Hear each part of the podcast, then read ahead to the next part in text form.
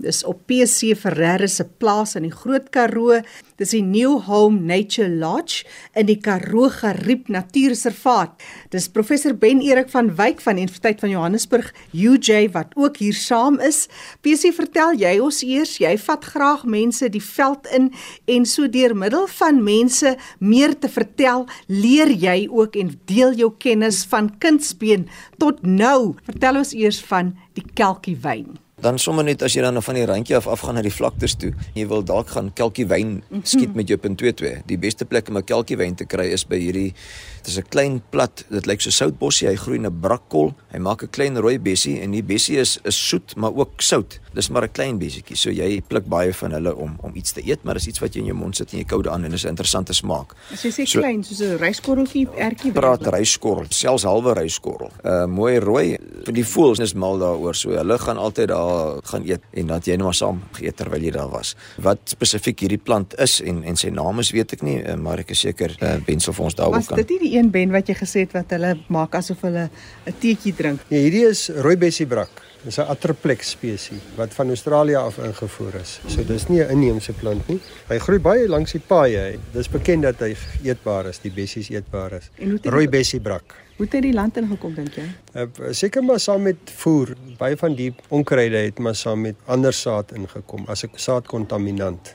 As ek dan volgende dink, dan dink ek aan die in die nat plekke in die Karoo eh, op ons plaasie fonteine waar daar eh, 'n stroompie water loop en miskien 'n kuil is. En in daai kuil groei 'n waterplant wat ons noem bronskors. Jy het hom sommer net so gepluk en geëet, die blaartjie geëet. En hy dalk vir jou so 'n bietjie na 'n radys so effens 'n brandsmaak gegee. En dit sou maar ook saam met die ouetjies gebeur het wat saam met my rondgeloop het. Ek dalk gejag het en so en hulle sou vir my uh of van die goed geëet het en dan sê jy proe en ek het dan nou net vanoggend weer my ma gebel en bevestig en selfs vir my werkers want ons kon nie die naam kry nie. Ek moes verduidelik waar die ding groei en toe sê sy ja hulle knip hom fyn uh, op 'n slaai en hy word as 'n slaai gebruik dan nou ook. Uh, bronskors. ja dit is 'n um, uh, watercress. Is ja. baie bekende watercress. Dit's wêreldwyd word hy geëet In Mexiko het ek hom ook baie gesien in hier langs die riviere en so. Hy het 'n peperige smaak. Dit kom van die mosterd familie. So die het daardie swaalverbindings wat vir hom 'n peperagtige smaakie gee. Mense sien dit soms in groentewinkels ook wat dat hulle hom verkoop. Watercress, net die takkies wat afgesny is. Mense moet hom skoonmaak want hy is geneig om besoedel te wees. Jy weet goggoetjies en goed. Mm -hmm. Maar dit is 'n populêre slaai gewas, slaai plant omdat hy daai pepersmaakie het. Ja, dan kan ek dalk nog dink aan een wat ons wat nie noodwendig geëet of gebruik het nie, maar dit is sommer 'n gewone gifpol wat hierdie groot blare maak bo bo die grond en as eintlik al wat jy sien is hierdie vier groot groen blare. Hy's so plat op die grond. Plat op die grond ja. As jy daai blaar in die helfte breek mm -hmm. en jy trek hom die twee helftes uitmekaar het, dan maak hy 'n fyn garingkie wat eintlik baie mooi is. Hulle is 100% ewe ver versprei, maar as jy dan daai blaar vat en jy draai hom om jou arm, die die garing en jy breek weer en jy draai weer en jy doen dit 20 keer na mekaar dan maak jy vir jou 'n baie sterk armband sodat jy hom eintlik nie kan met jou vinger afbreek en aftrek nie. Hy's hy's baie stewige garing tou tipe ding en ek weet op laerskool het ek op 'n korraas gekry want toe ek skool toe met die armband en dit was nou nie die jewelry was toe nie toelaatbaar geweest nie maar dit was vir my baie spesiaal geweest ja. en ek wou toe nie hierdie ding afhaal nie. Ja, dit was sommer iets waarmee jy besig gehou het en dis ook maar in die randjies waar jy die tee gekry het. As jy hierdie plant kry dan gaan sit almal nou eers en dan maak ons nou eers 'n armband of so. Wat is dit? Want dit het laat dink my aan die plakkies so mooi. Ja, dis hy mense is van die Amaryllis familie. Hulle het hierdie ehm um, latex drade wat hulle maak. Dis 'n velskoenblaar. Hy het mos hierdie plat blare wat op die grond. Ja, soos 'n velskoen, so 'n spoor miskien en hy het pragtige blomme. Dit is mos die maartlelie familie. Hulle blom in die um, herfs wanneer niks anders blom nie. Ja, so dis iets baie spesiaals en daar's hierdie familie is veral bekend uh, medisinaal bekend vir hulle anti-inflammatoriese effek. Verskeie van hulle word gebruik tradisioneel en uh, daar's Duitse navorsers wat aangetoon het dat die aktiewe bestanddele in hierdie amaryllis van ons vergelykbaar is met die beste kommersiële anti-inflammatoriese middels. So dis werklik kragtige anti-inflammatoriese mm. middels wat jy kan gebruik vir wondgenesing en swellings en so aan om swellings te laat sak. Die drade is eintlik latex, dis tipe van 'n rubber. Dit kry jy ook byvoorbeeld as jy ehm um, die seibasboom se blare trek.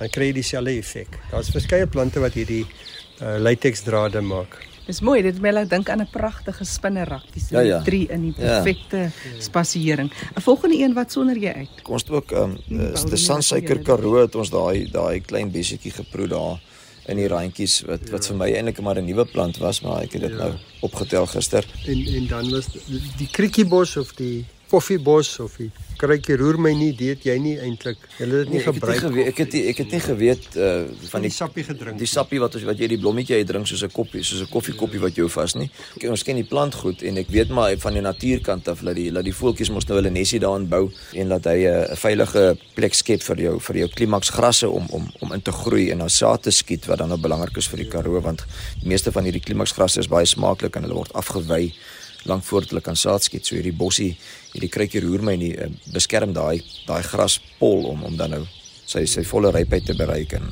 en saad te skiet. Nou, vertel jy ons vinnig die storie Ben want ons het gesien die nesie wat hy vir ons gewys het wat binne in hierdie bossie Ja, gemaak is. die die nesie was binne in die graspol, binne in die kriekiebos. Nou die, die kriekiebos het mos 'n onaangename reuk. En sy ander naam, sy bekende naam is mos kriekie roer my nie. Hy het geweldige groot verskeidenheid van variasies op die tema, soos kriekie roemenie en uh griekie roemenie en so aan. Hang af van die streke. En dan koffiebos is 'n ander naam vir hom. Kriekiebos, uh, koffiebos en die kindertjies het vir my vertel hulle nooi hulle maatjies uit om te gaan koffie drink. En dan staan almal nou baie plegtig rondom die koffiebos as hy in blom is, die pragtige rooi blommetjies wat hy maak en hy het 'n donker donkerbruin swart nektar in die koppievormige blommetjies. En dan staan hulle nou in 'n ry, dan pluk elkeen nou vir 'n koppie koffie af en dan drink hulle die koffie van die koffiebos. Ja, so 'n hele seremoniele ding. Jy het ook 'n verbintenis gemaak met waar die hele ding van kruitjie roer my nie die naam vandaan kan kom. Ja wel dis dis my teorie. Dit is uh, ek is oortuig dat die oorspronklike naam van Krikirumeni was iets soos Krikirumeni, Kriki of of iets iets soos dit en dat dit uh, in die volksmond vervorm is tot Krikirumeni omdat Krikirumeni nie eintlik sin maak nie. Die teenoorgestelde is seker ook moontlik. Die Krikirumeni 'n vervorming is van Krikirumeni. Maar ek het ek is geneig om te dink dat dit 'n so belangrike plant uit 'n historiese oogpunt dat ek dink dat dit eintlik die ander kant om is. Met ander woorde dat dit 'n eintlike Griekwa woord is wat vervorm is tot kruikie roer my nie.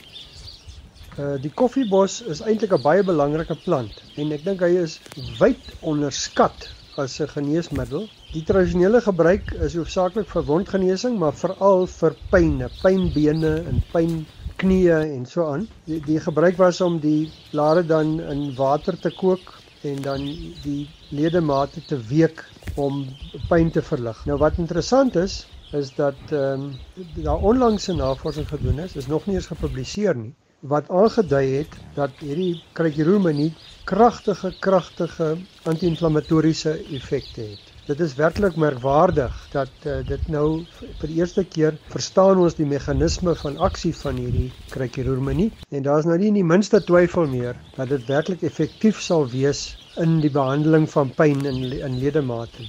En uh, dit is nogal 'n interessante voorbeeld van weer eens waar tradisionele kennis eintlik uh ondersteun word deur moderne wetenskap. So die ou mense het geweet wat hulle doen as hulle kruikieroermenie gebruik het om pyn te verlig vanweë die anti-inflammatoriese effek. Professor Ben Erik van Wyk van UJ, hy is 'n plantkundige by die departement plantkunde en plantbiotehnologie. Professor van Wyk het ook die leerstoel van inheemse plantgebruike, dis by die Nasionale Navorsingsstigting. Ek is Jackie January wat groet hier vanaf die Karoo Geriep Natuurreservaat.